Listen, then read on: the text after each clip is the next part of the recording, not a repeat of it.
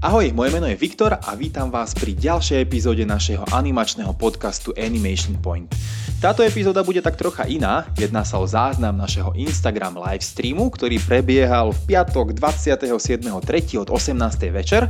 No a spoločne s Terkou od nás z Animation Point sme sa bavili o súčasnej situácii v cestovnom ruchu, ktorá je spojená s koronavírusom. Prebrali sme nejaké vaše otázky ohľadom letnej sezóny a v druhej časti našeho podcastu sme vyspovedali našu animátorku Alču, ktorá strávila po jednej sezóne na Malte a dvoch sezónach na gréckom ostrove Rodos premiérovo zimnú sezónu v Dominikánskej republike. Ako som už vysvetlil, jedná sa o záznam našeho Instagram livestreamu, aj napriek tomu, že sme sa so spracovaním zvuku snažili čo najviac ako sa dalo. Dovolím si tvrdiť, že to nie je 100%, tak verím, že to pre vás nebude problém.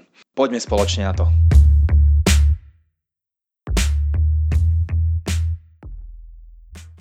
Ahoj, ahoj, tak mali by sme byť pomaličky live, za 10 sekúnd je 18.00. Ja sem ešte pridám rýchlo terku od nás z Animation Point. Takže pomaličky vidím, že že prichádzajú nejakí sledovatelia, počkáme ešte na terku. A čau Market, čau Evča, super.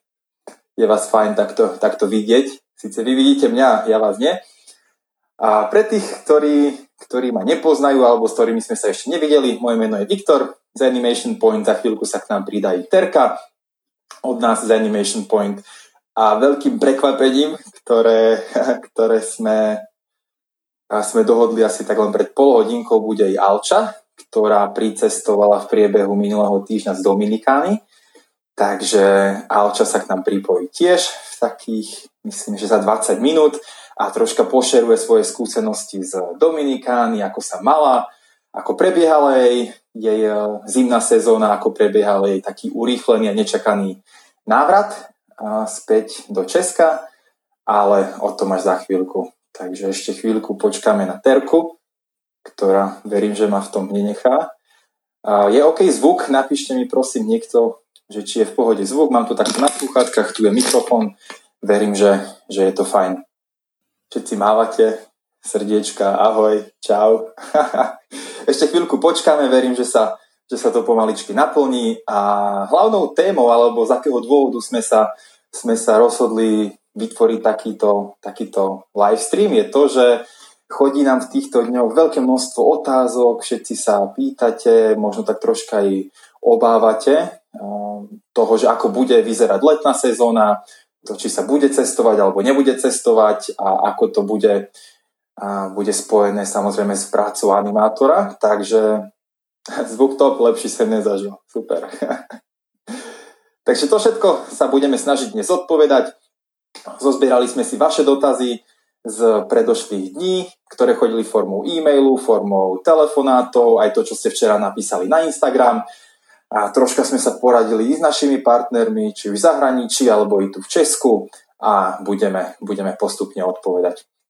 Všetko to budeme ukladať, bude to uložené v, asi na storíčkach, alebo tam hore, viete, tak tam to uložíme, tam to bude 24 hodín a malo by to byť uložené potom ako podcast, ktorý bude na Spotify, na YouTube a na našom webe, takže všetky podstatné informácie sa k vám, sa k vám včas dostanú.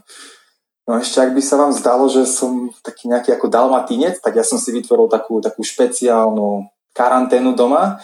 Asi 20 dní dozadu som chytil neštovice, takže toto sú ešte také, také pozostatky, pozostatky z nich. Fajn. Dobre, tak stále ešte čakáme na terku, asi je na toalete, alebo nalieva si víno, ako ju poznáme. Tak dajme ešte minútku. Ak nepríde, tak začneme bez nej. A, už je tu. cool. A samozrejme v priebehu streamu v prípade, že by vás napadli nejaké otázky, stačí napísať, stačí sa ozvať, alebo ak niekto by sa chcel počujete jasne a zretelne, že se si rozsvítím. Mm. O, tak to je iná pomoc. Brutálne svetlo. Dobre. Tak Terka, ja už som tak troška začal, vysvetlil som, že o čom to dnes bude.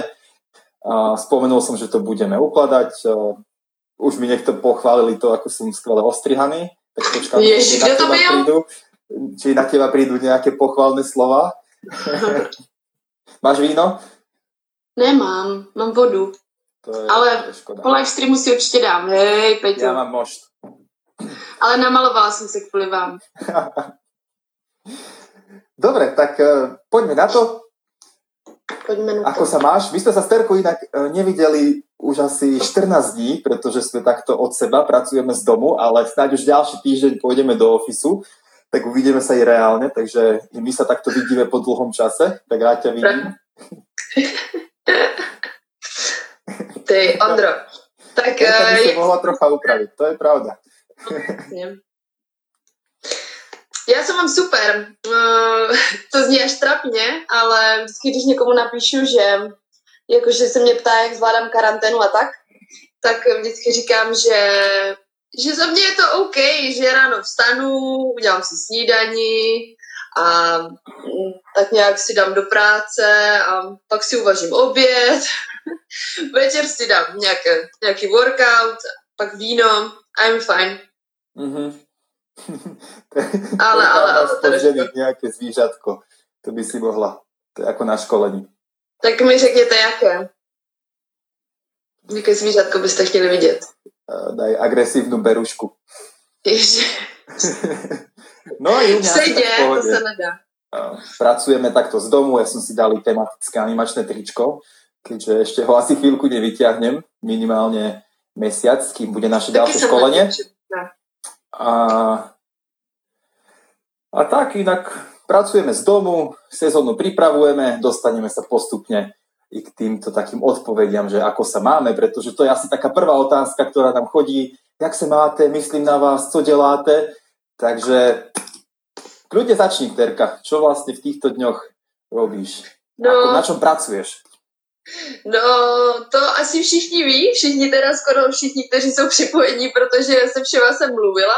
Já jsem po většinu času buď na telefonu, anebo na e-mailu a snažím se udržovat kontakt se všema našima animátorama, ať už stálýma nebo budoucíma. A no jinak ehm, pořád eh, nějak pokračuju s tím náborem našim animátorů, i když v trošku pozměněné formě. A děláme ještě nějaké i videopohovory. No Domčo, tak já ti zavolám, neboj. Zítra hned ti volám. Ne, zítra, zítra je sobota, možná v pondělí. No a tak, takže uh, vlastně pracuju normálně celý den, i když někteří mi vyčítali, že na mém Instagramu to vypadá spíš jenom tak, že piju celou dobu jenom víno. Nebudu říkat kdo, ale uh, celý den normálně pracuju a víno přijde na řadu vždycky až večer. Jak se máš ty? Ja večer, to teda vím, řekni, řekni im to. Večer až, až po 16.00, že? No jo. no asi u mňa tak nejako identicky. Uh, pracujeme z domu a ak si niekto myslí, že aký je skvelý home office, tak, uh, tak ja už mám plné zuby, ja sa fakt teším do práce a teším sa do ofisu. A nielen preto, že v ofise máme dobrú kávu, to, to určite nie, ale, ale teším sa už na takú inú pracovnú atmosféru, takže verím, že to čo najrychlejšie prejde a že budeme môcť ísť do ofisu. Ale včera som mal taký zvláštny deň, je tu Lenka asi, Lenka uh, z Lipna a, a Michal alias Šimon z Lipna, tak včera som mal taký, takú túr po Česku, keďže uh, sme 15. 15. končila zimná sezóna uh, v našich partnerských hotelov, ale včera bol prvý deň, kedy sa podarilo dvom našim animátorom, čau Lenka, mávam ti ja, dostať domov šťastne. Takže včera som Lenku ako Slovenku odviezol na, na slovenské hranice. Išli sme cez Nojmo, takže to bol taký 1200 kilometrový okruh po Česku, no. ako si človek povie, že, že super, aké krásne miesta, akurát, že nikde sa nedá dať ani káva, ani obed, takže vyslovene to bolo 13 hodín v aute, takže to bol môj včerajší pracovný deň, ale pomimo to riešime, naberáme, pripravujeme školenia, a veríme, že ešte nejaké castingy, máme nejaké termíny v zálohe, tak budeme sledovať, ako sa bude vyvíjať situácia. Takže toto je asi tak, že jak se máte, co děláte. Viktor vlastně za mě jel do mojho rodného města, takže Ani, jenom tak prosvištěl kolem. tak, dobre, potom bola otázka, uložíme to na 24 hodín. Uložíme to na 24 hodín a ako som už spomenul, tak to dáme i ako podcast, ktorý bude na YouTube a na Spotify a u nás na webe.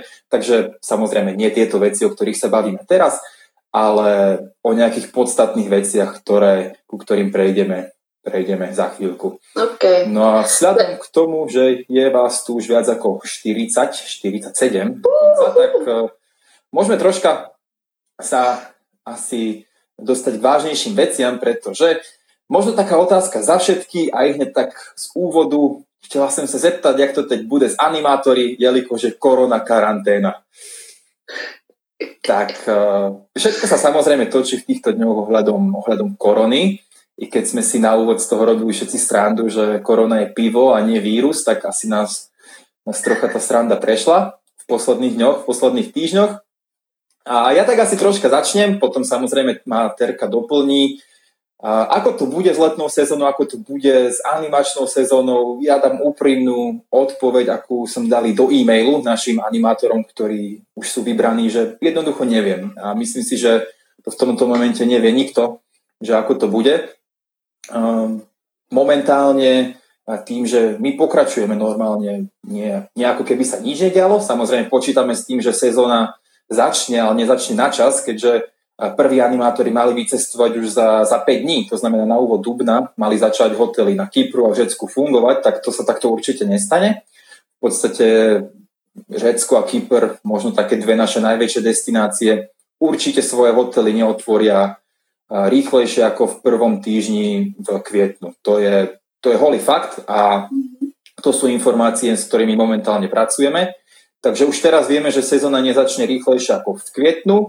A náš taký skromný, optimistický odhad je ten, že niekedy v kvietnu, prelom kvieten červen by to mohlo začať. Samozrejme, toto sú, ja nie som, ja nie som nejaký premiér tejto krajiny, ktorého máte dosť asi teraz v telke a všade možne, ale toto sú také naše asi najskromnejšie a najoptimistickejšie eh, predpoklady, ktoré máme k sezóne. Veríme, že to začne, otázka je, že, že kedy to začne. Toľko asi takto na úvod. Rýchlo z mojej strany, čo si myslíš ty, Terka?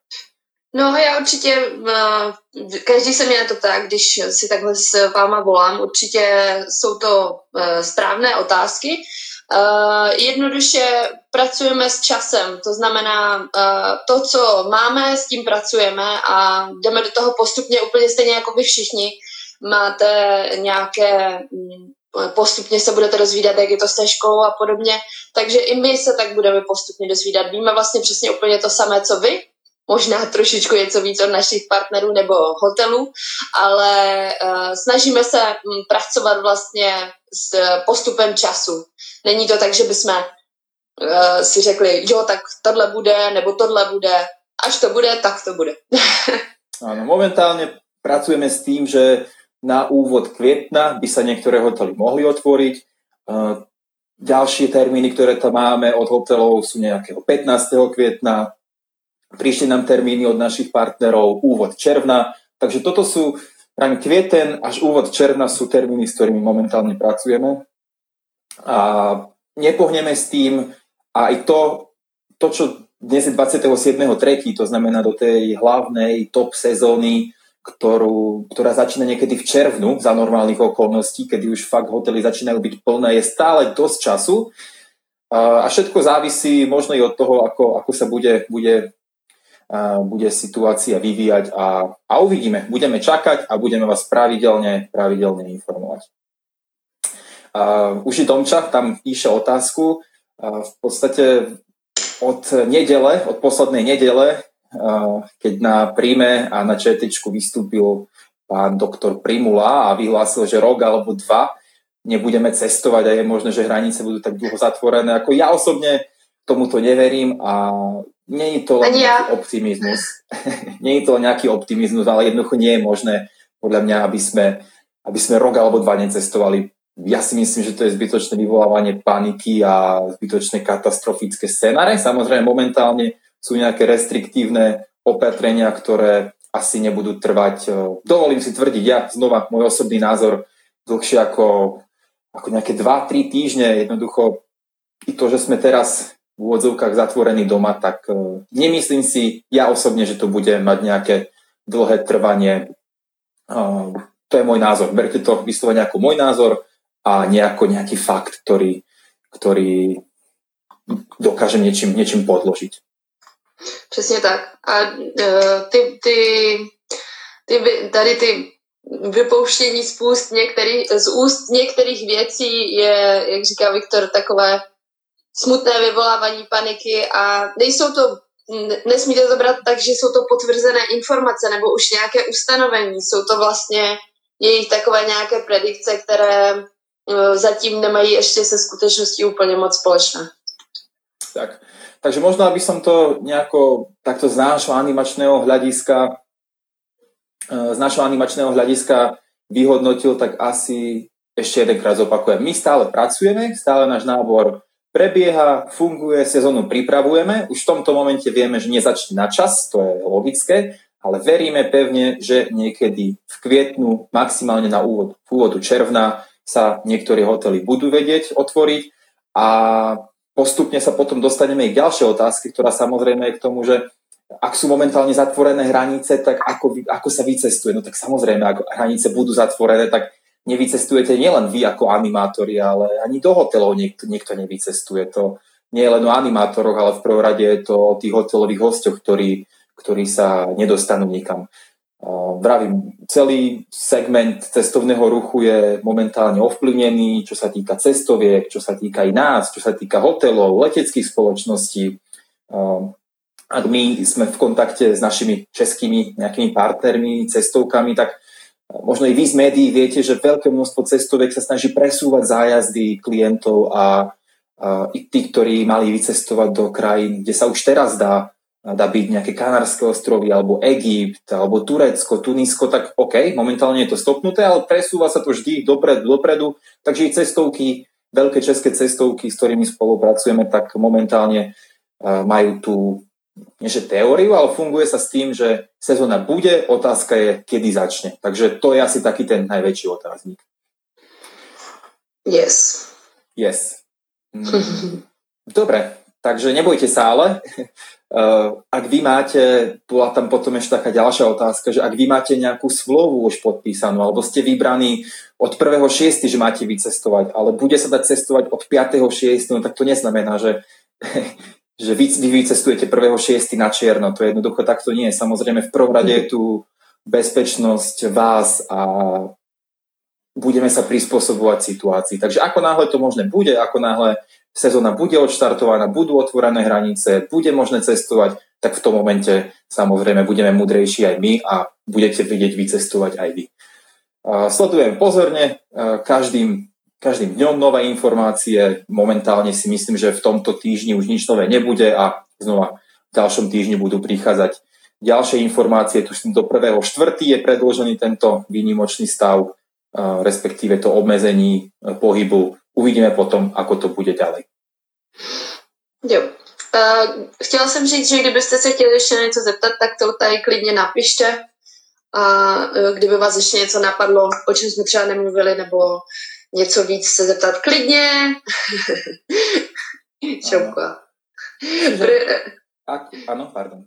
Ne, ne, v pohodě. E, klidně to napište a budeme se snažit odpovědět na co nejvíc věcí. Klidně i cokoliv mimo tady to téma.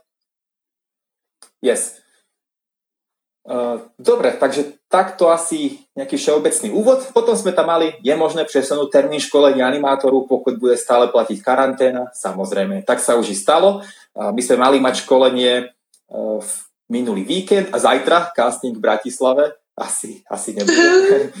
Škoda, ako fakt sme sa tešili i na školenie, i na, i na, i na casting. Jednoducho všetko takto budeme posúvať dopredu, pred sebou, až do momentu, kým to nebude možné Um, organizovať tieto, tieto eventy. To znamená, momentálne máme najbližší termín školenia 24.4. až 26.4. Ak by bola situácia ako dnes, to znamená, že obmedzený pohyb a hotel, v ktorom my školenie máme, je samozrejme zatvorený, pretože takto je správne z nařízení vlády, tak školenie nebude. Školenie budeme posúvať. Vzhľadom k tomu, že sme cca mesiac do školenia, tak ja si dovolím tvrdiť, že že to školenie bude a že za mesiac bude situácia úplne iná, že v rámci Česka cestovať budeme môcť a že jednoducho hotely, hotely fungovať už budú. Takže môj skromný odhad na naše najbližšie školenie 24.4. až 26.4. je také, že bude. Znova to hovorím, dnešný deň je možné, že za 14 dní bude situácia iná, ale pracujeme s momentálnymi informáciami. Plánovali sme, respektíve v Česku sme už po Dubnu školenie neplánovali, ale s veľkou pravdepodobnosťou ešte jedno školenie v kvietnu zorganizujeme, pretože to březnové sme jasne posunuli na duben, ale predpokladám, že i veľké množstvo ľudí, ktorí, ktorí v březnu chceli prísť, tak im nebude vyhovovať dubnový termín, takže práve preto budeme sa snažiť hľadať ešte ďalší termín v, v kvietnu. Mm. A určitě se budeme snažit udělat náhradní termín i na ten bratislavský casting. Ano. Až to bude možné, až, No, Terka- až bude. Terka sa tešila na halušky. Jo, jo, ty tady totiž nikde neseženu. Mhm. Jedině, že bych si je sama udělala. Áno. No dobre, takže na školenie sa už ale tešíme. Ja už som si dal animačné triko. Já jsem taky nad tím přemýšlela, chtěla jsem, ale já ho doma nemám. No a ak by niekto chcel, tak od včera je v Lidli uh, slovenský týždeň, tak si môže kúpiť brinzu, kto chcel ísť na No fakt, to je pravda, to je pravda. Tak vidíš. Mají korbačíky? Po těch půjdu já. Majú, majú určite. Super. Fajn. Dobre, čo tam máme ďalej? A máme tady, budou místa v Česku, pokud nebude možné animovat v zahraničí. Budú? No nevím. Áno, áno, tu, tu som si tak istejší s odpovedou áno. A my samozrejme máme nejaké partnerské hotely alebo partnerský akvapark je tu v Česku. A Čo vám tak, e, respektíve s určitosťou. Ja verím, že tým, že tá sezóna v Česku je kratšia, že top sezóna v rámci českej animácie je fakt tie letné prázdniny. To znamená od konca června do konca prázdnin, a od nejakého 25. alebo 28.6. do 31.8. respektíve 1.9. Tak to je tá top sezóna v Česku. Myslím si, že české dovolenky a cestovanie v rámci Česka nebude ohrozené. Je to za 3 mesiace, ak to počítam správne. A um, ak mám um, nie že správne informácie, ale komunikujem samozrejme aj s našimi partnerskými hotelmi tu v Česku. A informácie sú také, že um, hostia nerušia zájazdy alebo dovolenky, ktoré mali zakúpené na letnú sezónu. Otázka sú stále Veľkonoce, ktoré sú takou medzisezónou, medzi, medzi koncov zimnej, zimnej sezóny. Tá skončila 15.3. Letná začína niekedy, pravím, na konci června. Takže medzi tým boli budú Veľkonoce a dva predložené kvietnové víkendy. Takže toto sú ešte možnosti, kedy sa dalo animovať v rámci Česka. Toto je s veľkým otáznikom. Myslím si, že Veľkonoce sú tak na 90% viac nie ako áno. Ale čo sa týka leta, tak tie pozície ja si dovolím tvrdiť na 99% budú. Všetky naše partnerské hotely, s ktorými sme v kontakte a sme v kontakte so všetkými, tak potvrdzujú ten záujem uh, svojich, svojich hostí na leto. To znamená, že nič by nemalo brániť tomu, uh, aby naše animačné pozície neboli otvorené.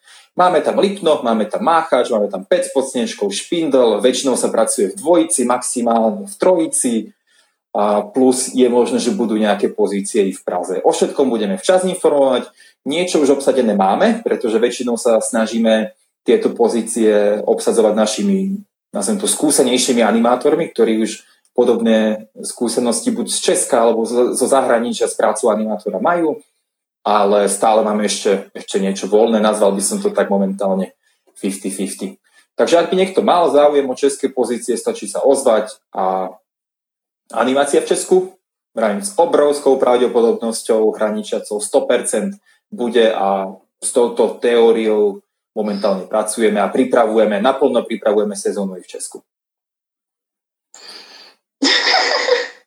Někdo mi píše, že budou halušky s bricou. OK, přijdu. Čau, Mám to čau, kousek. OK, takže Terka mrkne na ďalšiu otázku. Ja sa OK. zatiaľ dostane, Uh, mali sme, jak, jak pokračuje uh, príprava na sezónu 2020, takže už sme to tak trocha, tak trocha, zdravíme my do Česka.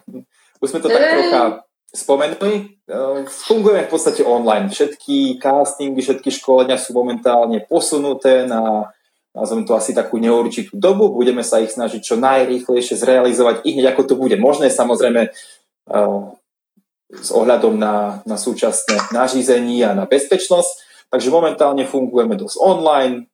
Ja som mal dnes jeden pohovor, i ty, Terka, že? Takže každý deň prebehne... O to říkám jeden... tak ja, ja ti vidím si tady. OK, OK, tak možno sa i Tomáš díva, s ktorým som mal pohovor dnes ja. Každý deň máme nejaký jeden, dva pohovory. Samozrejme, hlásite sa stále, veľké množstvo z vás je optimistických a stále chce vycestovať za prácu animátora a jednoducho pohovory, nábory sú teraz takto online formou a čakáme, ako sa situácia vyvinie.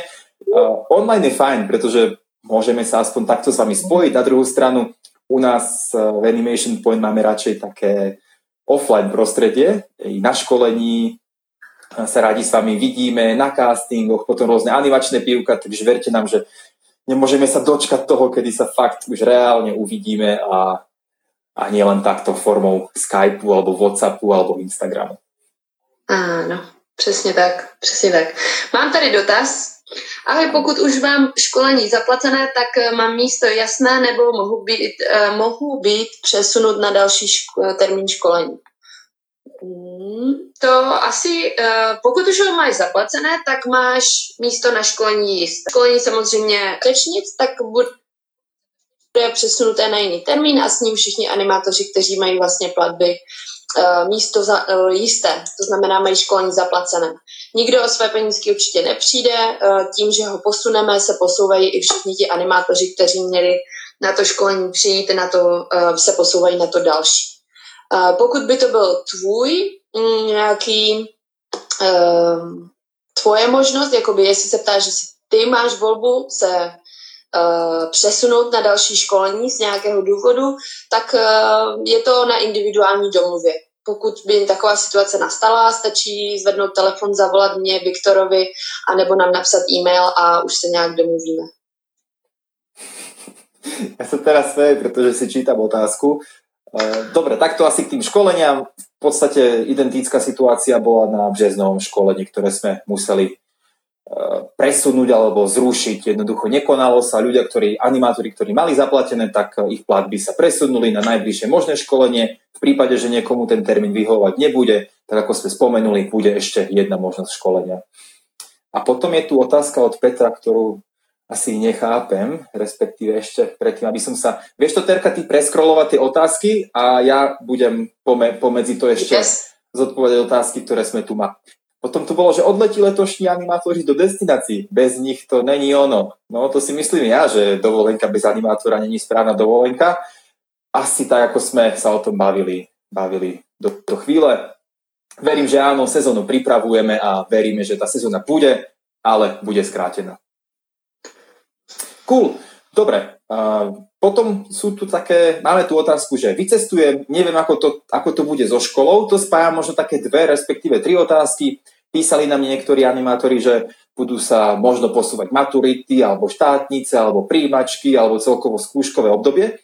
Uh, uvedomujeme si to, že v podstate tak ako aj my z našej strany netušíme, kedy, nie že netušíme, momentálne pracujeme s nejakou hypotézou, že sezóna začne kvieten, respektíve úvod června, aj to je s otáznikom, tak e, samozrejme počítame s tým, že i z vašej strany ten termín je s otáznikom, pretože škola a všetky okolnosti, ktoré momentálne do toho, do toho prichádzajú, ako posun štátnic, posun maturity, príjimačok a teda, teda, môžu zohrať nejakú úlohu.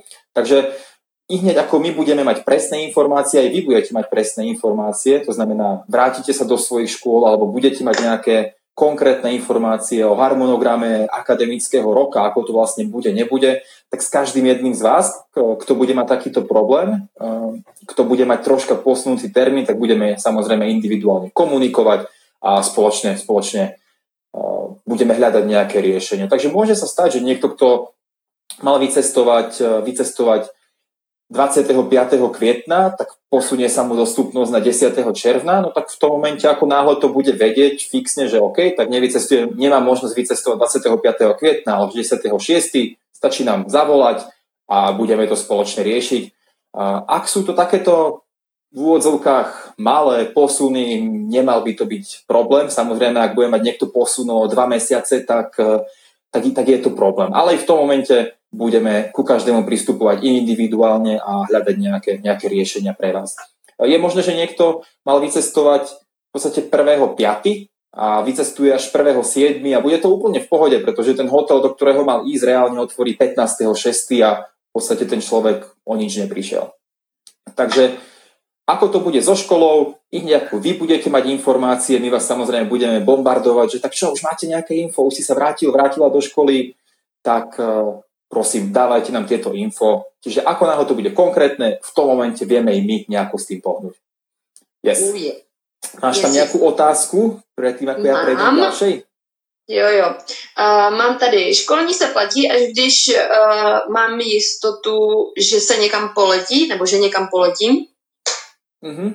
To, že někam poletíš, uh, takto, najbližšie školenie, ktoré máme, vravím, máme 24. až 26.4. V tomto termíne my už veľmi predpokladáme, že, že jednoducho my už budeme vedieť, že tá sezóna odštartuje. To, to určite áno. Takže z tohto uhla pohľadu dokážem odpovedať, že čo sa týka situácie, že vy zaplatíte za školenie a jednoducho potom sezóna nebude, tak akože v tomto momente my, možno som sa trošku do toho zamotal, pardon.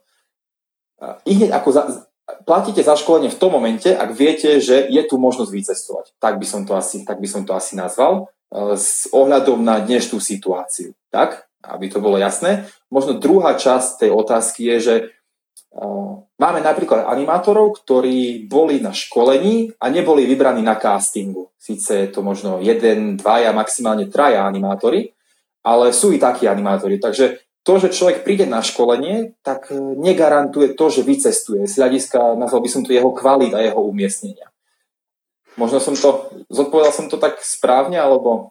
Jo, určitě. Já bych tomu dodala jenom, že to školení je samozřejmě nějakým způsobem dobrovolné a v normálním případě je to tak, že vlastně za něj platíte ve chvíli, kdy jste si jistí, že na to školení chcete jít a potvrdíte nám to. Uh, v tu chvíli ho vlastně platíte. Jak jsem už říká, o ty penízky nikdo nepřijde, i kdyby se to školení někam posouvalo. Když na to školení půjdete a třeba, řekněme, váš uh, odlet se třeba posune, tak uh, to školení už nestratíte. To školení už budete mít vždycky a vždycky je to, je to jakoby úplná, je to škola, je to kurz.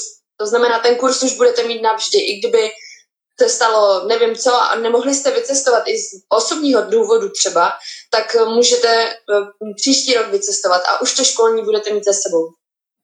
Yes, a stáva sa to často, že človek príde Uh, mali sme animátorov, ktorí boli na školení v 2016-2017 a vycestovali až v sezóne 2019 napríklad. Takže stáva sa i to, pretože buď to nemohli oni, alebo nechceli, alebo zrazu brácha mal svadbu, posunul sa im termín štátnic brutálne, že to nestihli. Takže my i v prípade, že absolvujete teraz školenie, tak sme s vami v kontakte. Ako náhle vy máte záujem, tak my určite o vás záujem máme a, a nestratíme ho. Mm-hmm. Takže asi takto.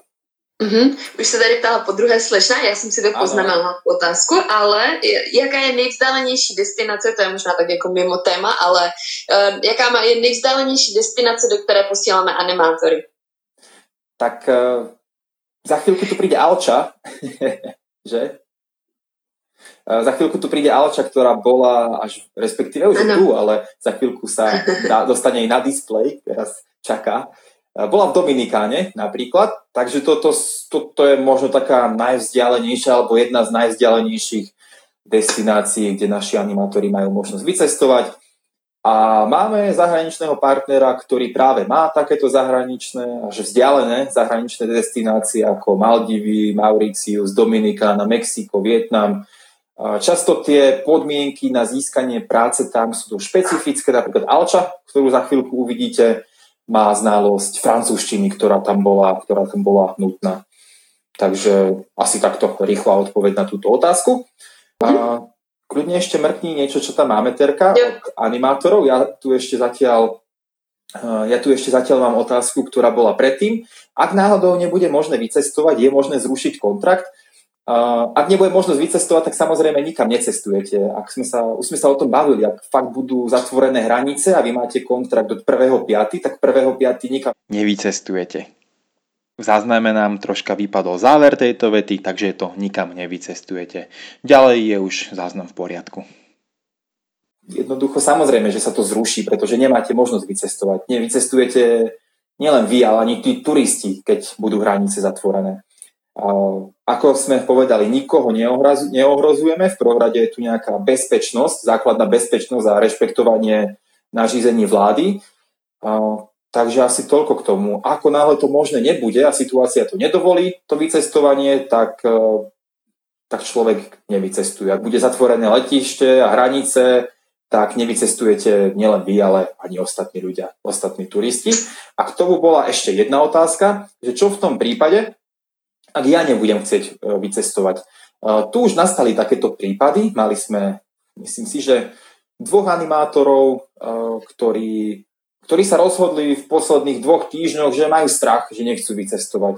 I napriek tomu, že, že Terka s každým komunikuje individuálne a telefonicky, to znamená, každý, kto bol u nás prijatý na castingu, tak s Terkou si pokecal, každý od nás dostal e-mail, pravdepodobne dostal e-mail alebo dostane e-mail v najbližších dňoch i od našich zahraničných partnerov, pre ktorých eh, boli animátori vybraní. A ten, kto nemal telefón, tak minimálne mal dva alebo tri nepriate hovory od nás, takže mohol zavolať späť. No, chcem sa dostať k tomu, že i napriek tomu, ak niekto nebude chcieť vycestovať, tak je to jeho slobodná voľba. A nikoho nutiť nebudeme, ak sa niekto cíti, ak sa niekto cíti, že fakt má strach, fakt nechce vycestovať a chce byť toto leto v Česku, stačí sa ozvať a myslím si, že stále ešte máme veľký záujem zo strany animátorov a ja by som k tomu dodal len to, že fakt prosím nepodliehajte panike, ktorá sa tak troška šíri v médiách. To som chtěla říct. To, že niekto a... vyhlasí, že tu nebudeme dva roky cestovať, myslím si, že troška berme s takou nadsázkou. Jo, taky bych to ještě rozšířila nejenom o um, médiích, ale i o řekněme, blízkém kruhu lidí, se kterými teď asi trávíte hodně času. A pravděpodobně i oni mají o vás strach a i oni vám uh, říkají nějaké věci a podobně, taky asi vynášejí různé soudy a kolikrát už jsem slyšela do telefonu, jo, mě se teď všichni smějou, že nikam nevycestuju, tak neberte to tak uh, depresivně, oni vlastně taky vůbec neví, uh, co bude za týden. Ta situace se mění fakt uh, skoro ze dne na den a nes, nepodlehejte panice ani v důsledku jakoby jejich nějakých soudů. Zkuste si to tak nějak jako racionálně přemýšlet nad tím vy, pokud máte fakt jako strach nebo už, už je toho na vás moc tady těch řečí okolo, klidně mi zavolejte, můžeme o tom pokecat úplně v pohodě, tak jako už jsem mluvila s, se spoustou našich animátorů a snažila jsem se, nechci říct uklidnit, ale nějakým způsobem jsme o tom pokecali úplně v pohodě a snad, snad to mělo nějaké ovoce to přineslo. Ale áno, určite, určite áno. Uh, no, takže vravím, je to na vás, uh, nikoho do ničoho tlačiť nebudeme, v prípade, že to možné nebude, vážne, uh, pre relevantné relevantné dôvody. dôvody pardon, že to fakt možné nebude, tak jednoducho nevycestujete, ale v prípade, že chcete si byť, myslíte si, že akože doma sa budete cítiť možno bezpečnejšie, je, je to každého osobná voľba. Je to asi možno tak všeobecne s cestovaním. Niekto má viac k tomu sklon, k dobrodružstvu a k cestovaniu, niekto radšej je doma. To je asi tak viac všeobecné ako k tej, k tej súčasnej situácii. No a potom tam máme ešte otázku, že či animátorov posielame jaro, leto, respektíve po celý rok. Samozrejme, 95%, dovolím si tvrdiť, to som si teraz dal tak z brucha, ale chcel som povedať to, že obrovská animátorov vycestuje takto na jaro, respektíve leto. Máme ale i animátorov, ktorí začali, začali sezónu v zime, respektíve vycestovali na zimu. animátor, ktorý nemá žiadnu skúsenosť s touto prácou, je minimálna šanca, aby vycestoval na zimnú sezónu. Že by vycestoval v žínu, alebo v listopadu, alebo v prosinci. Samozrejme, také pozície sú. Za chvíľku príde Alča, ktorou, ktorá snáď ešte drží. tak e, ona vycestovala práve na zimnú sezónu. Existujú i celoročné destinácie ako Kanárske ostrovy, ale k tomu možno viac za chvíľku povie Terka, že aká je možno tak nevýhoda vycestovať na zimu, je to, je to úplne iná animácia ako, ako na leto. Takže áno, možnosť tam je, jedným alebo druhým dýchom dodávam veľké ale, možno sa nám ešte aj nestalo, aby animátor nováčik vycestoval na svoju prvú sezónu, nie na letnú, ale na zimnú sezónu. No, e, je to s, s tím... Ešte dodám, do zahraničia. V rámci Česka samozrejme áno, ale do zahraničia je malá pravdepodobnosť. Čau Dino. Čau Ali. a je to přesně, jak Viktora říká, ta, mm, je tam velký rozdíl oproti letní sezóně v Řecku. Uh, sezóna ve Španělsku většinou, pokud se budeme bavit třeba právě o Kanarských ostrovech, je uh, celoročně. Uh, vlastně není tam nějaká, uh, řekněme, high season, není tam hlavní středobod sezóny. Samozřejmě je tam víc lidí v létě, ale ta úroveň té animace se udržuje vlastně Eh, celou, celý ten rok na hodně vysoké úrovni. To znamená, když vy třeba vycestujete, dejme tomu v říjnu, eh, přijedete tam, eh, tak máte vlastně hodně krátkou dobu na to zapadnout okamžitě do toho týmu, do toho programu. Musíte se samostatně, nebo samozřejmě s choreografem nebo s šéfem animátorem naučit show, máte na to krátký čas, i na to, abyste zapadli, abyste dělali aktivity samostatně, a není to tak jednoduché. Když člověk nemá mm, žádné předchozí zkušenosti, uh, může, může se dostat do, uh, sám do problémů, jakoby tím, že, že to třeba nezvládne tak rychle na začátku se naučit a přizpůsobit se. Takže ty, to vycestování do Španělska je o něco uh, složitější. Je to tam náročnější určitě. Yes, yes, yes. Súhlasím, súhlasím.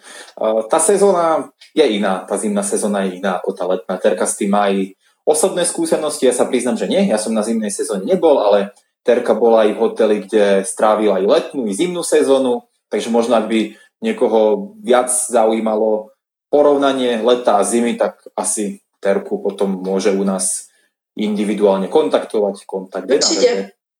Určite, Alebo určite. dajte jej follow, ona bude rada, napíšte jej na Instagrame. Uh, Kačko, ty se ještě ptala na takovou doplňující otázku k té předchozí otázce ohledně toho placení s tím školním. Pokud si uspěla na castingu, ale ještě nemáš žádnou nabídku, tak uh, školení samozřejmě můžeš zaplatit. To záleží jenom na tobě. Uh, předchází tomu, že se na to školení musíš zaprvé přihlásit, potom nám musíš potvrdit a pak už, uh, pak už jde na tu platbu. Ale uh, má to nějaký ten postup, aby jsme si byli jistí tím, že že vlastně můžeme ti poslat vlastně údaje k platbě a tak, aby jsme si tím byli obě strany jisté. A to, že si uspela na castingu, tak to je v podstate istota práce, istota, že tú nabídku dostaneš. Myslím si, že ešte dnes je stále veľké množstvo animátorov, väčšina, väčšina animátorov, ktorí ešte nemajú oficiálne nabídky na letnú sezónu. Samozrejme prispela k tomu i súčasná situácia a ja sa smejem, keď to tam vidím. Pardon. Nie, toto je vážna vec. Prispela k tomu i súčasná situácia, ktorá je, ale je to normálne, že v tomto momente ešte človek nemá konkrétny hotel. E, je minimum alebo malé množstvo animátorov, ktorí dnes 27.3. majú napríklad konkrétny hotel na 1.6. Áno, máme i takých animátorov, postupne to spracovávame. Ja v podstate teraz je 18.40, od 17. pardon, od 16.30 som mal dlhý telefonát s našim řeckým partnerom, kde sme už nejakých animátorov aspoň tak predbežne umiestňovali. Takže i v týchto dňoch umiestňujeme animátorov. Niektorí z vás, ktorí tu sú, môžete to kľudne potvrdiť, dostali nabídky kľudne tento týždeň alebo ten týždeň predošli. Ten týždeň predošli. Tak jo. Fajn. Potom tam sa pýtal náš Péťa, Petr, a čo, když sa opustila súčasná práce a idem pracovať na full time. Jo, takhle to myslela, už to chápu. Už, to, už som to pochopila ja. Opustila okay. sa práce. Už som to pochopil. No, odpoveď, odpoveď na otázku je tak, ako sa o tom bavíme celý čas od začiatku. My, my dúfame, že tá sezóna začne čo najrýchlejšie a že to, že, ty si, že človek má napríklad nabídku od konca dubna, ako to bolo v tomto konkrétnom prípade, tuším nejakého 26. alebo 28. 4., tak e, budeme dúfať a asi neostávať nič iné ako veriť, že ten, tá medzera medzi tým, kedy ty si mal pôvodne vycestovať a vycestuješ bola čo najmenšia. Inú odpoveď na toto nemám. I hneď ako my budeme mať napríklad v Česku nejaké pozície a máme napríklad partnerský hotel na Lipne, ktorý animuje celoročne, momentálne nie, ale po komunikácii práve s hotelovým manažerom tohto partnerského rezortu je obrovská pravde. Oni začínajú, i hneď ako toto celé skončí, alebo troška sa pozastaví, tak uh, začínajú sa tam animácie. Takže je možné, že práve animátori, ktorí, eh, ktorí sa pripravujú na sezónu a chcú vycestovať čo najrýchlejšie, budú mať možnosť ešte animovať u nás v Česku. Takže poviem konkrétny príklad. Mali ste vycestovať 26.4., ale vycestujete až 1.6., no tak bum, postaráme sa o vás a v prípade, že bude možnosť animovať od 1.5. v jednom z našich partnerských rezor- rezortov tu v Česku, tak my vám, my vám tú prácu budeme sa snažiť dať uh, na ten mesiac alebo na ten čas, kým nebudete mať možnosť vycestovať. Toto sú v podstate informácie alebo hypotézy, s ktorými pracujeme teraz za súčasnej situácie. Hlavně je trošku zachovat klidnou hlavu, nepanikařit.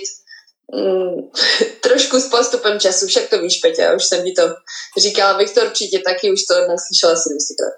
Mm. No a už tam píše i Dino, že je v objemovke, takže hlavne žiadna objemovka, ak e, nevycestujete teraz, tak nie, že budete tlustí. Teďka všichni budeme mít čas na ty buchty, ne? To je. OK. Mm, čo sa Byla tam týka... ještě... Pardon, ano. Promiň, byla tam ještě jedna otázka, um, jestli se může vycestovat na měsíc. Tak jestli chceš ty nebo já. Nechcem, to... Dobře, tak já, tak já odpovím. Uh, na, na měsíc to bohužel úplně nejde. Nejkratší možná dostupnost je právě na uh, dva měsíce, ale těch pozic není tolik na dva měsíce, je jich omezené množství a nejvíce našich animátorů vycestuje, dejme tomu na ty tři a půl měsíce alespoň. Z dostupnosti tři a půl měsíce máte mnohem větší šanci na vycestování uh, na měsíc je to bohužel hrozně krátká doba. Je to i, musíte myslet na to i, že je to i ekonomicky nevýhodné, když zaměstnáte 10 lidí na jeden měsíc, nebo může místo toho můžete zaměstnat jednoho člověka, kterému zaplatíte letenky a bude tam v destinaci třeba 4 měsíce. Yes, ja by som k tomu dodal také ale. Samozrejme máme každý rok niekoľko málo, to sú jednotky animátorov, že možno 5 alebo 6 animátorov, ak to tak teraz v hlave si spätne vybavujem, ktorí ich v predošlej sezóne pracovali jeden mesiac, ale bolo to tak, že prišli ako replacement, že prišli niekoho nahradiť. A, takže jedna časť tých animátorov jednomesačných je tých, ktorí to po mesiaci vzdali a išli domov, takže takto je možné pracovať jeden okay. mesiac.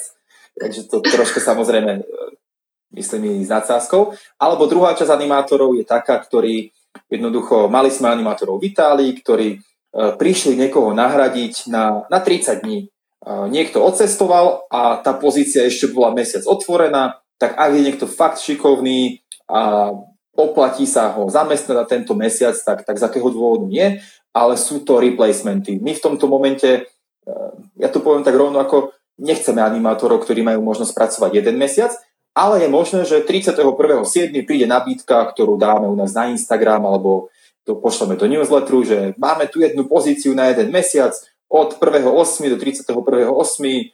je potrebné nahradiť toho a toho animátora tam a tam. Takže je možné, že taká pozícia bude, ale bude minimálna. Minimálna šanca. A máme tam potom konverzáciu, ak e, možno ste to niekto sledovali, my sme to asi dvakrát alebo trikrát repostovali, náš šikovný animátor uh, z Denda, Dino, si myslím, že tak dva mesiace dozadu urobil Zumba certifikát, uh, kurz, a má pravidelne už dvakrát do týždňa lekcie, respektíve mal. Takže ak by ste chceli nejaké online zumby, tak uh, kľudne si tam preskrolujte, tam Zdenda Dino, napíšte mu a Zdenda, ak by si chcel, tak alebo môže pripraviť aj yes, no hlasovanie. Čo vy na to? No. Tak my vám pripravíme hlasovanie, že či chcete Zumbu a v prípade, že chcete, tak eh, Zdenda To je vám pripraví pokrokový livestream. Mm, ako nebude tá Zumba dnes okamžite, ale v priebehu ďalšieho týždňa si myslím, že, že Zdendovi by sme mohli dať aj účet, animation point a To, je to, je to pre naše dobro, aby, ako vravíš, animátori neboli v objemovke no, jo, jo, to by bylo super. Já souhlasím. Určitě. OK. No dobre, uh, ja som tak, uh, dokonce ne, ja som tak možno predpokladal, že nejakých že bude to rýchle, že tých otázok nebude moc, ale tak uh, som rád, že, som rád, že máte záujem a prirodzený aktívny záujem. Uh, predpokladal som, že nejakých 18, 20, 18, 25 už prejdeme na, na rozhovor s Alčou, uh, aby sme prešli na troška také pozitívnejšie témy.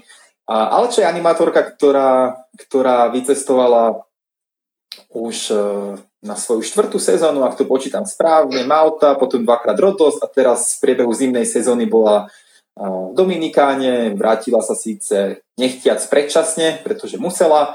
A ja by som v tomto momente uh, tak ťa dovolil si vypnúť terka a poďakovať ti za, za tvoj čas a môže si naliať víno. A, ak je tu Alča, Alča by tu mala byť, takže Alča zamávaj nám ešte dole, aby, aby sme nevypli terku. Alča. Vidím, že se tady vyloženě bavíte, že? Ty jste ty. oni vidí, že oni si to udělali hezký sami. Mm. Komentech. Asi na, na toalete. Chtěla bych se zeptat, máš tam otázku? Áno, Víš, že je to. odpovedaš ty? Ne, ty. Tunisko. Tunisko, uh, sezóna 2020 určite nie. Je možné, že, že v budúcnosti áno, ale sezóna 2020 určite nie.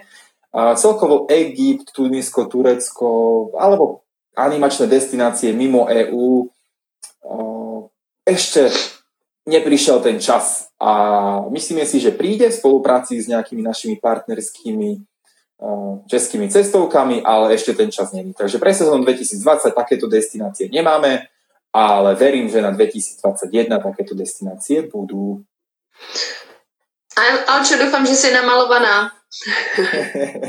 Dobre, takže prejdeme do takej druhej časti tohto live streamu. Všetci zamávať terke.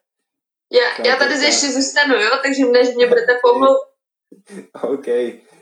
Já se... A, a môžeme, môžeme sa presunúť. A díky Terka, ak by vás ešte napadli samozrejme nejaké otázky v priebehu rozhovoru s Alčou, ktorý už bude taký viac pohodový, neformálnejší, tak uh, kľudne To je píšte. že nebylo pohodové. Ale tak teraz sme preberali aj vážne veci, predsa.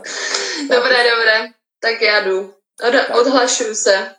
OK, a ja Ja. pridám Alču. Čau a head. Takže už čakáme na Alču. Aha. čauky, čauky. Tak poďme len overiť zvuk.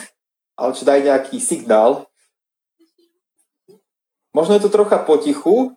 Neviem, či to je len u mňa. Mhm. Je to asi lepšie? Je to lepší? Slyšíš mě líp? Určite. Za mňa určite. Skúste možno niektorí ostatní napísať, bolo tam neslyšíme moc, ale snáď už na slúchatkách to bude OK. Neslyším Malču. Momentík, ešte chvíľka. tak co? Slyšíte? Jo. Jo, jo a srdíčko. Super. No pecka. Oh. Skvělý. Tak já teď takhle teda ten mobil musím držet celou dobu, protože tam mám sluchátka. Super, takže ja len tak rýchlo v krátkosti som Alču predstavil. Niektorí z vás uh, ste ju určite videli, buď online alebo offline. Offline u nás dva roky v office, je to tak? A tento rok Alča na zimu vycestovala do Dominikánskej republiky, predtým dvakrát na Rodos a predtým jedenkrát na Malte. Prvá sezóna bola 2017, že? Alebo 2018? U teba? 2.17. 2017. Malta. Uh, tak uh, poďme asi na tú, my sa s Alčou tiež vidíme po dlhom čase, už sme sa dlho nevideli, boli to hlasovky. Takže Pravda. uh, mali sme tu už aj otázky v podstate k zimnej sezóne. Uh, ja som to možno dnes tak využil, že, že Alča už je doma a tak len narýchlo dohodol, že, že si s ňou pokecáme a možno o tej letnej sezóne už máme kopec rozhovorov na našom YouTubeku, na Spotify a teda, teda, ale o zimnej sezóne až tak nie, takže kľudne začni, aká bola tvoja zimná sezóna, ako to všetko začalo, ako si sa mala, kde si bola a tak. OK, takže tak jak už víte, byla jsem v Dominikáně, byla to vlastně moje první zimní sezóna a byla úplně jiná než všechny ostatní. Jednak proto, že jsem nepracovala v mezinárodním týmu, ale pracovala jsem, jako Viktor říkal předtím, pracovala jsem pro francouzskou cestovku, takže ta náplň práce byla jiná, nedělala jsem fitness jako vždycky, ale spíš to bylo jako hodně o guest kontaktu a celkově prostě to bylo fakt jiný. Byla to jedna z, jako, z náplně, co se týče náplně práce, tak to byla jedna z lehčích sezon. Nepracovali jsme, neměli jsme eh, obrovský show večer, končili jsme brzo, a na druhou stranu to byla snad nejtěžší sezona, na který jsem kdy byla, co se týče vlastně týmu, co se týče uh, hostů, náp- i ty náplně práce. Nebylo to tak fyzicky náročné, ale celkově tak jako zvládnout i s tou francouzštinou. Já jsem tam prostě jela s tím, jo, umím francouzsky, ha, ha, ha. A zjistila jsem, že až tak slavný to není a bylo to pro mě i z začátku náročné prostě komunikovat jenom v té francouzštině. Teď ty hosti prostě jedou s francouzskou cestovkou, takže čekají, že tam jsou lidi, kteří mluví skvěle francouzsky, kolikrát prostě je to nezajímá, že nejste rodilý mluvčí, netolerují vás, některý zase naopak, jo, snaží se vám pomoct. Takže bylo to náročné, ale byla to asi nejlepší zkušenost v mém životě. Musela jsem se teda vrátit předčasně díky té situaci asi o měsíc a půl, tak jsem z toho trošku nešťastná. A určitě vrátilo bych se hned a nevím, klidně, Viktore, jestli máš nějaké otázky. Jasne, tak akože na úvod určite super. Ja si myslím, že to budeme musieť za chvíľku prerušiť, ale vidím, že ešte kopec ľudí sleduje. Mm-hmm. Myslím si, že maximum live streamu je jedna hodina, čo ani neviem, ako rýchlo yeah. prešlo, ale za chvíľku to bude jedna hodina. Takže buď nás to preruší za 5 minút, alebo to prerušíme my a potom to nastavíme znova, pretože si myslím, že ešte kopec ľudí by to mohlo zaujímať. Uh, takže pre francúzsku cestovku, ja viem, že my sme, ako sme boli v kontakte, tak uh, celkom si na Francúzov, nevravím, že nadávala, ale že možno aká je to aká je to natúra, ak, akí sú Francúzi v porovnaní s uh, ostatnými, s ostatnými národmi, ktoré si, s ktorými si mala možnosť pracovať? Tak Francouzi jsou nároční. Uh, určitě to není moje krevní skupina. Nevěděla jsem to předtím, než jsem odjížděla, ale bylo to pro mě hodně náročné vlastně z toho hlediska, že já jsem takový pozitivní člověk, prostě ve všem hledám to dobrý a oni jsou přesný opak. Oni prostě na všem se snaží najít detaily, co, ne, co nefunguje, co prostě není tak, jak si představovali a takrát vidí problém tam, kde žádný nejsou. A spousta z těch francouzů si prostě vůbec neuvědomovala, jakou vlastně mají, jaký mají štěstí, že na Vánoce v lednu prostě celá rodina vyjete tak do Karibiku na dovolenou na 14 dní. Mm-hmm. a stejně byli prostě třeba furt nasraný jako celý týden, pardon za ten výraz.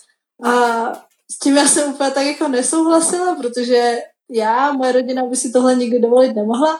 A fakt většina z těch hostů prostě vždycky měla nějaký problém. Vždycky tam bylo něco, co nešlo podle jejich představ. Mhm. Takže, takže tak. Takže takéto, že Češi a Slováci sa sťažujú na dovolenke, tak toto je asi iný rozmer, čo si zažila teda. Přesně tak, jako já na Čechy jsem zvykla, jako vždycky, když prostě potkáte Čechy, to asi znáte sami ze sezóny, že hned za váma běží, ježišmarja, víte co, a tohle a toto a tohle, ale ty francouzi, to je teda jiný kalibr. Mm-hmm. No dobré. A... Vlastně to se ukázalo okay. i... Mm-hmm. Pardon, Jenom ještě jsem chtěla říct, že to se ukázalo i teď v té uh, krizové situaci, když jsme prostě odjížděli. Já jsem tam měla klienty, který jsem teda jako musela dostat uh, domů, mi spadlo sluchátko. A oni byli prostě jak malí děti, jako jo, že jsme třeba byli všichni na letišti a oni, no, my musíme čurat. A já říkám, OK, ale tak uh, potřebujeme třeba najít celou tu skupinu. Bylo nás tam přes čtyři stovky lidí a já sama jsem tam na tom letišti v životě nebyla, potřebovala jsem najít ostatní. Oni, ne, ne, ne, my potřebujeme teďkon a prostě přes to vlak nejede. Takže jsou takový jako... to byl takový malý příklad z toho, jaký jsou. Ano, ano. A čo sa týka, poďme troška na pozitívnejšie veci, čo sa týka Dominikány a celkovo, viem, že to bola taká vysnívaná destinácia, tak poďme tak troška pozitívnejšie na to, ako to porovnávaš celkovo takú vidieť Karibik, vidieť nejaký iný svet, lebo je to doslova iný svet, že? Je to doslova iný svět. Jako kulturní šok tam byl obrovský a Karibik je nádherný, uh, celkově ty barvy tam, hotely, pláže, všechno, nedá se to srovnávat samozřejmě s nějakým Řeckem, i když všechno má svý kouzlo a je to jiný, no, prostě je to nádherný. celkově i tak jako se vžít uh, do té kultury a žít tam s těma místníma, a strašně jsem se tam naučila, protože to není tak jako v Řecku, že člověk si vyjde ven jen tak sám v noci nebo prostě hmm. ve dvou. A vlastně je to Černožská republika, takže jsem tam byla... musím zastavit. Mně se už spustil hore odpočet na okay. end of live stream. Budeme pokračovať, OK? Čiže ja teraz len dávam end, ale okay. s Alčou sa ešte budeme, budeme chvíľku baviť o Dominikáne, takže ak vás to zaujíma, tak uh, ostaňte, respektíve pripojte tak sme tu znova, pretože hodinka bola, bola asi málo. Fajn, takže už sa nám bude znova pripájať i Alča, seba první, no nie si první. Dobre, poďme, poďme na to. Tak som veľmi rád, že toto naskakuje pomaly, že vás to zaujíma. Čau, znova. Čau! Sem tak tady. počkajme chvíľku, verím, že sa ešte, ešte nejakí, nejakí animátori pripoja, ale vidím, že plus minus ten počet je identický ako predtým, takže dajme tomu tak 10-15 sekúnd a myslím si, že môžeme, môžeme pokračovať. Jasne, teď musím přemýšlet, co jsem říkala. bavíme sa, tí, ktorí neboli dokonca v predošlom live streame, tak bavíme sa s Alčou. Á, máš... Čau, brácha. čau. tí, ktorí tu neboli dokonca predošlého live streamu, tak s Alčou sa bavíme o jej skúsenosti z Dominikány, z ktorej sa minulý týždeň vrátila a skončila si tam. Začal som s tým, že asi je to úplne iný svet. Popisovala si možno trocha ten rozdiel medzi tvojou sezónou v Řecku alebo na Malte a v Dominikáne. A myslím to v spojitosti s tým, že človek nemôže len tak v krajine ako je Dominikána výjsť vonku na ulicu večer. Takže s tým si, mm-hmm. s tým, s si som, asi skončila. Jasne. No, tak jak jsem říkala, prostě je to Černovská republika a když tam jedete jako holka, bílá, ještě teď skoro blondětá od sluníčka, tak eh, člověk nemůže čekat, že prostě je to jako někde v Řecku nebo na Maltě, že jde tamhle na party a tamhle jde sám a prostě si zajde normálně do obchodu, když si chce něco koupit, tak to prostě není. Takže i z téhle stránky to pro mě byla obrovská zkušenost, že jsem se naučila tak jako se o sebe trošku starat a nevycházet třeba úplně ven. A i bylo to i tak jako, zase nechci mluvit negativně, ale prostě kolikrát člověk byl tam zavřený na tom hotelu a strašně chtěl jít ven, nebo prostě měl energii, říkal si, ty dneska bych šla na party, nebo dneska bych chtěla vidět svý kolegy. A prostě to nešlo, protože třeba ostatní nemohli, nebo nemohla jsem jít sama. A takže z tohohle to bylo super, že jsem se naučila, vlastně našla jsem si tam svý kontakty, donutilo mě to prostě nějak uh, učit se španělštinu, abych se domluvila s místníma, takže pak na konci už jsem jako tam byla jako místní, udělala jsem si co páky, jestli jste viděli, což teďko nemám teda. Ale bylo to super vlastně z toho, z té stránky, že jsem mohla poznat tu kulturu a vidět fakt, jak žijou ty místní. A že to není vlastně jenom o tom, ty hotely tam, asi Punta Cana, nejznámější destinace, krásný hotely, obrovský pláže, ale pak, když člověk vyjde ven a vidí, jak žijou vlastně ty místní, tak uh, ho to taky hodně ovlivní. Vlastně uvědomí si, že i když my vlastně máme tu šanci, že to štěstí, že jíme v restauraci, nemusíme někde schánět jídlo, vařit si.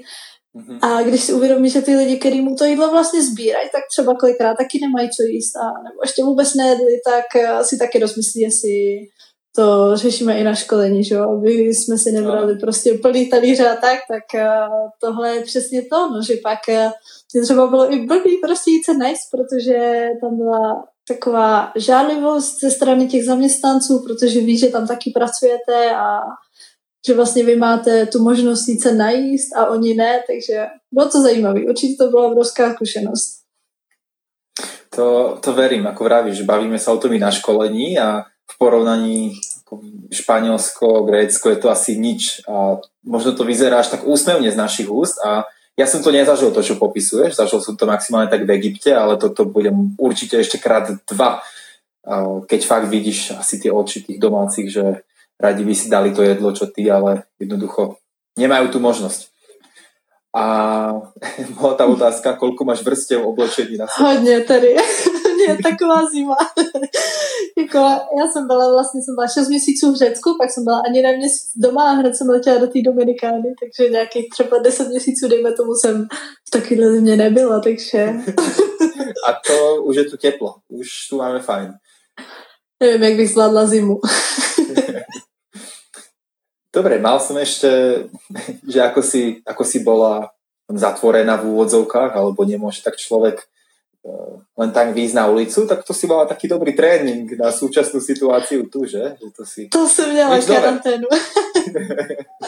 to jo, hlavně ty začátky, teda pak na konci jako už jsem se tak otrkala, našla jsem si, jak jsem říkala, prostě kontakty na taxíky a uh-huh. měli jsme tam Vincenza, takže s tím jsme jako hodně chodili ven nebo tak, ale na začátku to byla fakt karanténa. Áno. Dobre, poď možno nejakým nejakým highlightom, ak by si možno mala tak za tie 3,5 mesiaca mm, nejaké tri highlighty, dajme také pozitívne, aj také negatívne, čo to je tak fakt, že wow, toto sú tri momenty, ktoré si budem, na ktoré budeme spomínať z tej zimnej sezóny. Začneme tým pozitívnym. Ty, ja to jsem měla říct asi před nahráváním, abych si to rozmyslela, protože pro mě jako já furt žiju ještě v takové bublině, jako že si všechno přemítám a pak se to stalo prostě a zase jsem doma. Ale tak uh, určitě jako pro mě, nevím, celkově takový ten shift, když uh, jsem každý den prostě trpěla s tou francouzštinou a říkala jsem si, ty vole, zase říkám něco špatně a mm-hmm. to a najednou prostě přišlo to, že dokážu mluvit a že prostě mluvím fakt plynule a dokážu se bavit o všem, tak uh, tohle pro mě bylo určitě takový, takový to uvědomění, že prostě, tyjo, fakt jsem to, fakt jsem se naučila. Tak to bylo super. Uh, v té práci, v práci nevím, jako ta práce pro mě tam byla taková, víc mě asi baví léto, mm-hmm. takže tam asi žádný highlighty nemám, ale prostě viděla jsem třeba Verliby, což jsem v životě neviděla, tak to pro mě mm-hmm. bylo úžasný. Dostala jsem se na ostrovy, které jsou, které jsou prostě kráje, jak z magazínu. Takže asi pro mě takový ty spíš zážitky mimo pracovní, kdy jsem fakt mohla, a kolikrát, když jsem byla třeba jediná byla v černožské komunitě a fakt jsem se dostala prostě na místa i díky tomu, že jsem se seznámila nějak s místníma a našla jsem si tam jako kamarády a dostala jsem si prostě fakt na místa, kde jsem si říkala, jo, ale co tady děláš? Kdyby tě viděli vaši. Takže jako pro mě to byly spíš jako zážitky takhle, no, že fakt eh, tím, že jsem tam mimo žila, práce. jo, mimo práci. No. Super, veľa rybí znejú zaujímavo a aj tie také podstate stretnutia s domácim obyvateľstvom. To určite, asi to je to, že z akého dôvodu človek tak chce mm-hmm. cestovať a spoznávať tej kultúry a nielen z hotelového rezortu, ale asi najviac obohatí člověka to, čo vidí potom vonku, mimo toho hotela. Přesně tak, to je vlastně asi, jako tu práci miluju, to jako ne, že ne, a jsem ráda, že vlastně to cestování můžu spojit s práci, která mě baví, ale momentálně v té Dominikáně ty zážitky, které byly, tak byly největší vlastne venku z toho hotelu. Áno, super, cool. A troška s tým jazykom, ja sa tam zastavím. Francúzštinu si mala v škole určite a potom uh-huh. si ju i na sezónach tak nejako viac alebo menej uh-huh. využívala v prípade, že ste mali francúzských hostí. Uh, francúzština není jednoduchý jazyk. Ako to tak hodnotí, že čím si sa vlastne tak dostala cez to, že zrazu mluvím a dokážem komunikovať, pretože dovolím si tvrdiť, že určite máš teraz francúzštinu úplne na inom leveli, ako si ju mala pred zimnou sezónou, že? Určitě, tak eh, já jsem byla vlastně na praxi už na střední ve Francii, mm-hmm. kde jsem se naučila mluvit, ale i, i v té sezóně jsem prostě mluvila uh, normálně s hostama, bavila jsem se, ale zjistila jsem, že já jsem měla naučený takový jako témata a fráze a prostě o tom, o čem jsem mluvit uměla, tak to jsem používala ale najednou tady jsem se dostala do té situace, kdy ty hosti se tě ptali úplně na něco jiného. a z, vlastně dostala jsem se, a vlastně byli tam hosti, kteří byli z jihu, ze severu, takže prostě přízvuky, uh, akcenty, všechno možný. Mm-hmm. A nevím, prostě každý den jsem mluvila a vlastně neměla jsem tu možnost mluvit jinak. I moje spoluvědící byly, vlastně byla to hajťanka, ale mluvila, mm-hmm. mluvila francouzsky a najednou nevím, jak se to stalo, ale prostě jsem se na to přestala soustředit, jakože ty vole, prostě teď nerozumím a teď tady vypadá, jsem za blbce a prostě jenom na ně koukám. A vždycky jsem se snažila aspoň nějak odpovědět a i jsem jako se učila, nebo takhle, psala jsem si ty fráze, když jsem nerozuměla, překládala jsem si to, zajímala jsem se mm-hmm. o to, mhm. když jsem prostě nerozuměla, tak jsem se na Féra zeptala, hele, jako můžeš mi to vysvětlit, tomuhle úplně nerozumím, jako co tím chceš říct. A musím říct, že ten switch přišel až tak po dvou měsících, dvou a půl měsících, že to mm-hmm. přišlo fakt jako dlouho, že dlouho jsem se tam trápila, a, ale přišlo to a přišlo to přijde mi jako, že ze dne na den, prostě jo, najednou boom, přestala jsem nad tím přemýšlet a mluvím Jasne. v pohodě. Takže len tým, že človek komunikuje, nebojí sa, nemá strach, možno sa opýtať, že tomu to nerozumiem, tak sa dostane k tomu jazyku.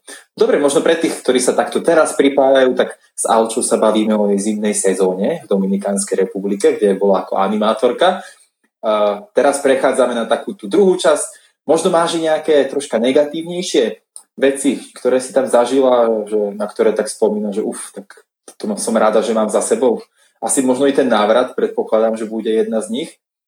Mm, tak jako pro mě asi nejhorší bylo to, že jsem měla teda špatný tým. Jako po všech stránkách, co se týče. Já jsem tam měla s tím, že už mě tam jako ta moje šéfka zaučovala na to, abych já byla šéfka příští sezonu, protože ona věděla, že odjede dřív a že tu pozici po ní budu přebírat já. Mm-hmm. Takže nechci říkat, jako, že jsem tam byla nějak trošku vejš, ale měla jsem tam prostě takovou, takovou pozici, že jsem se zaučovala a všichni to věděli. A ta moje šéfka byla, nevím, jak to popsat, prostě vynervovaná, vystresovaná, ale ze všeho prostě netiskla tiskárna, obrovský problém. Nepsala propiska, ježišmarja, jak je tohle možný. A v, té Dominikáně, kde ty... Máme propis. ty Dominikánci prostě neřeší věci, kašlou na všechno, musíte o všechno prosit desetkrát, stejně vám nepomůžou. Takže tam to, jako pro mě to bylo hrozně náročné, jako distancovat se od té negativity. A pak jsem kolikrát vstávala jsem každý den potom v sedm, jen abych s nima nemusela snídat s tím týmem. Mm-hmm. Takže pro mě asi nejhorší byl ten tým, no.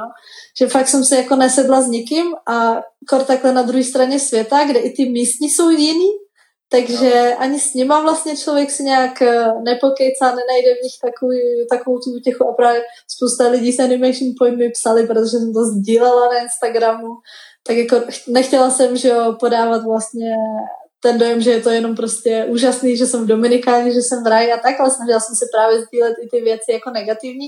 A spousta lidí z Animation Point mi fakt jako pomohlo že mi zavolali, nahráli mi hlasovky a věděla jsem tak, jako, že tam nejsem sama. Takže pro mě asi nej, nejvíc nejhorší, co bylo, tak ten tým. Mm-hmm.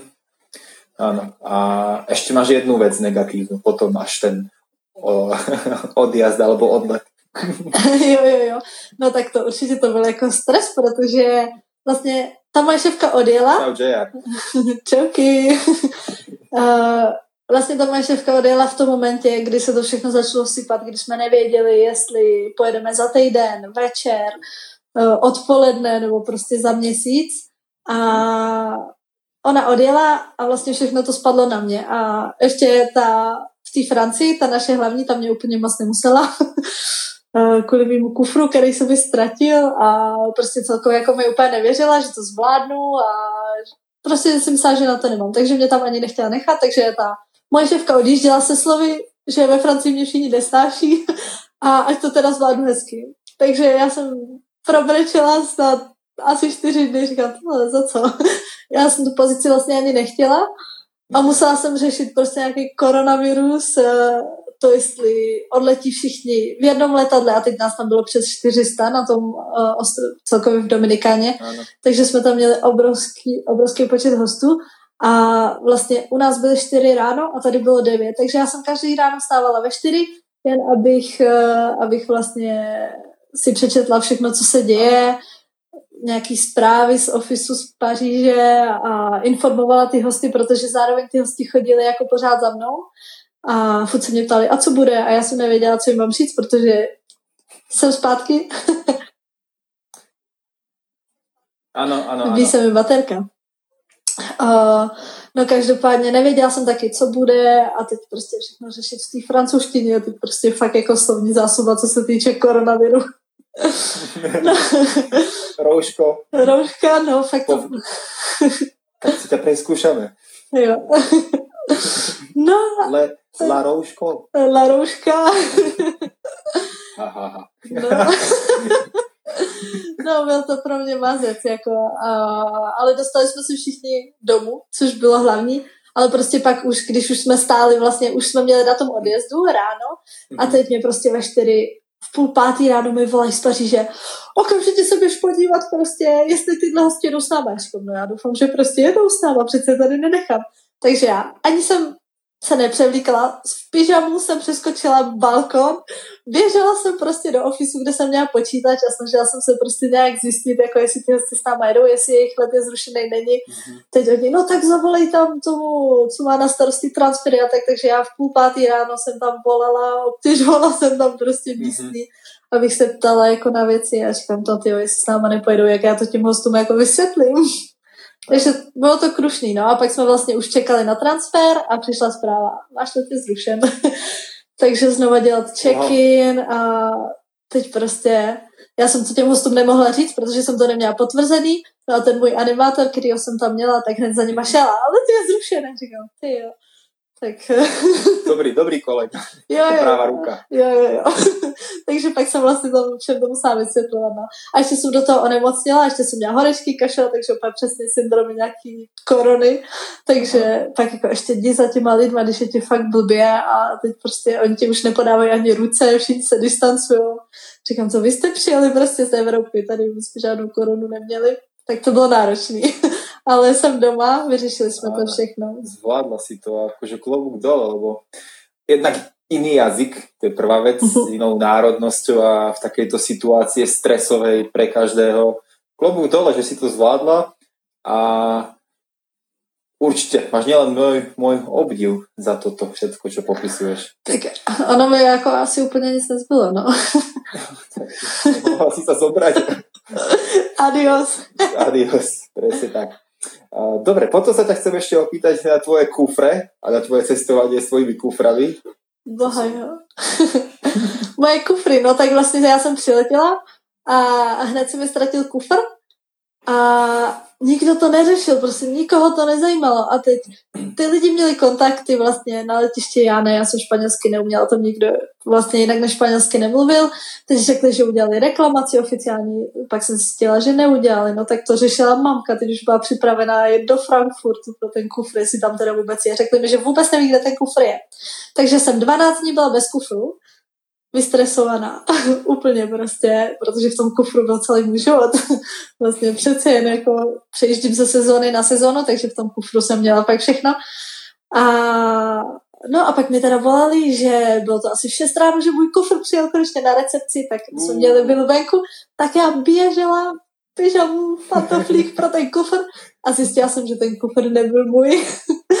prostě já měla šedý plastový kufr a ten kufr byl černý, látkový. Takže jsem byla úplně hotová, říkala, no tyhle, já tady teď budu dělat chudák, teď jsem se úplně cítila do té situace, co ten člověk s tím kufrem, který Aha. mu ho poslali prostě do Dominikány, říkám. No, a si pozrela, že severní pol, no, přišli ti bundy. No, jako nedivila bych se, neotvírala jsem ten kufr, ale pak jsem zjistila, že to spletli na letišti a druhý den ráno už mi po 12 dnech konečně přišel kufr můj. Yes, yes, yes. Takže, Takže si šestkrát otačala to jedno triko, ponožky a všetko to. Jedny ponožky, jedno spodní prádlo, no. každý večer mate. A do dneška mi neodpověděli na reklamaci. Nechtějí mě proplatit. Ale bojuju. To je masaker. To je masaker. No. A pracovala si? Mala si tam i uniformy, alebo uniformy si, si dostala? Uniformy jsem vlastně dostala až, až na místě, takže jediný, co jsem měla, tak byly uniformy, no. Čau, Luka. Čau, Luka. no. Cool. Ale... A, no.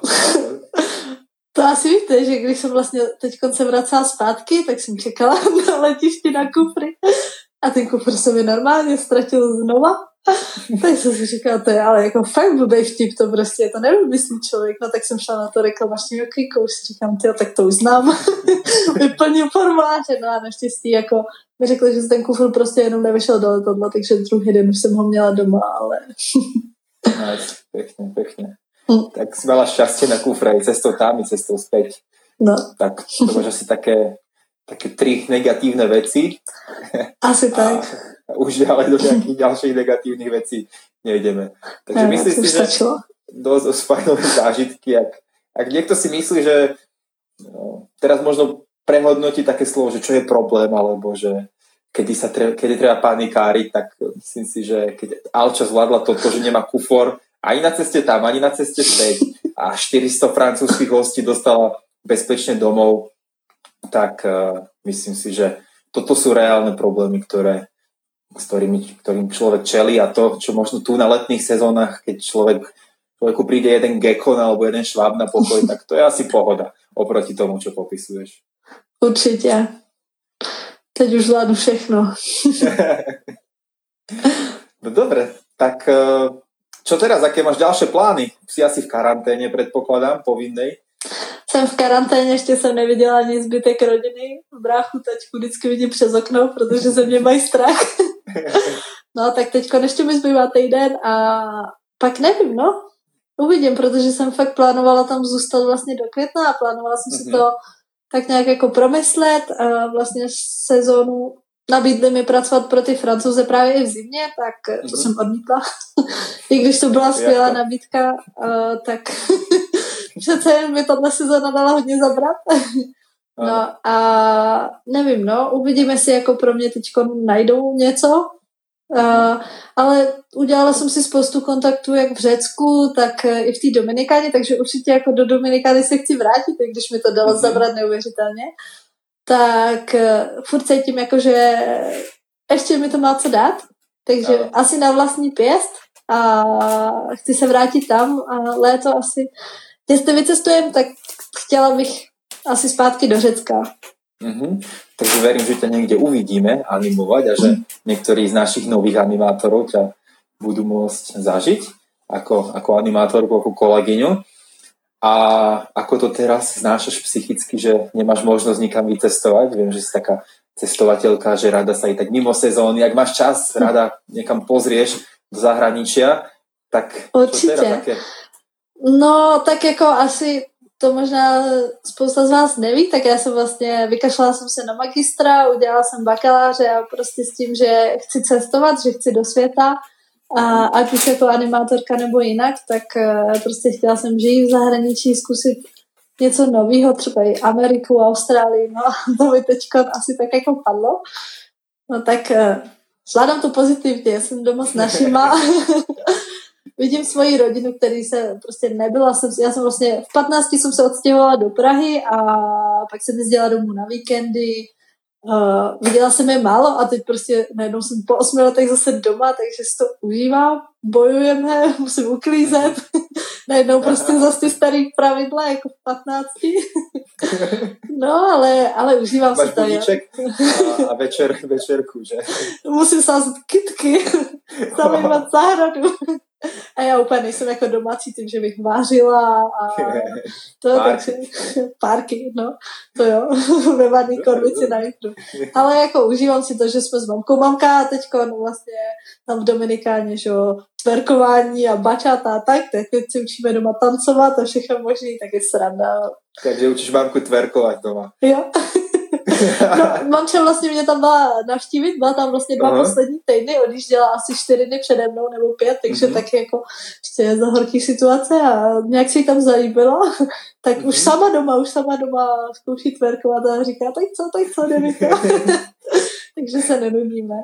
Super, super. Takže keď vycestuješ znova do Dominikány, tak možno to bude rodinný výlet alebo no jako, vycestovat. No to nevím, jako mamka z toho byla upřímně v šoku, protože oni jako na vás kouká ještě, jak jste bílí, tak prostě z vás chtějí dostat jenom prachy a furt jako člověk se tam cítí nepříjemně a mamka měla pocit, že všichni chtějí zabít. Mm-hmm. takže, takže mamka se asi do Dominikány nevrátí, ale nahraví CDčko. stačí, že se naučí tverkovat. Jo, to stačí.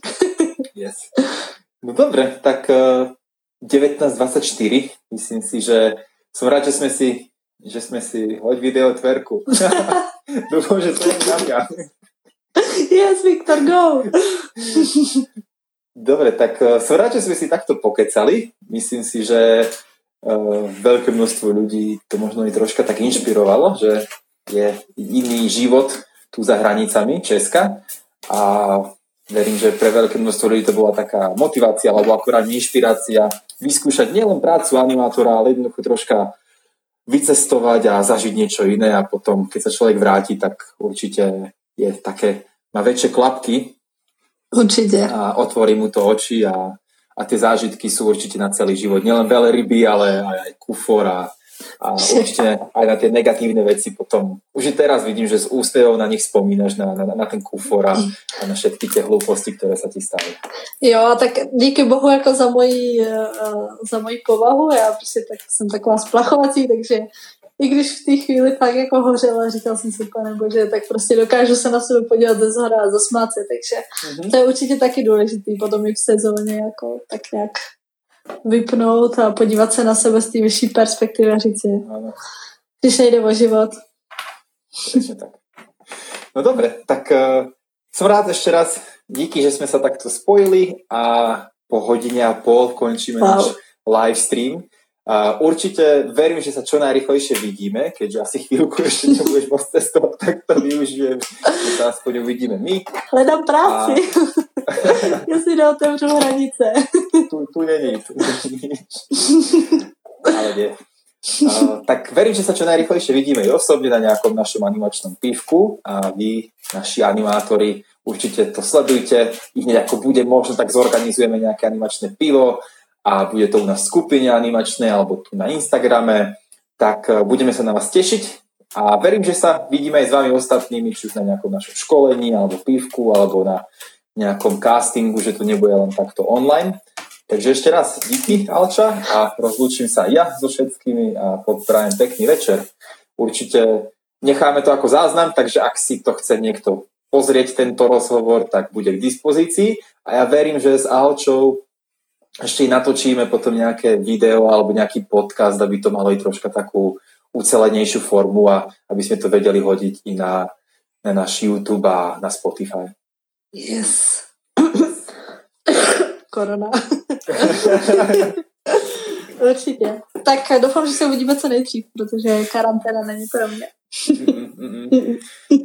Fajn, tak pekný večer všetkým záznam je k dispozícii a highlighty z tej prvej takej oficiálnejšej časti budú nahrané uh, tiež na náš YouTube alebo na Spotify, budú na našom webe formou podcastu.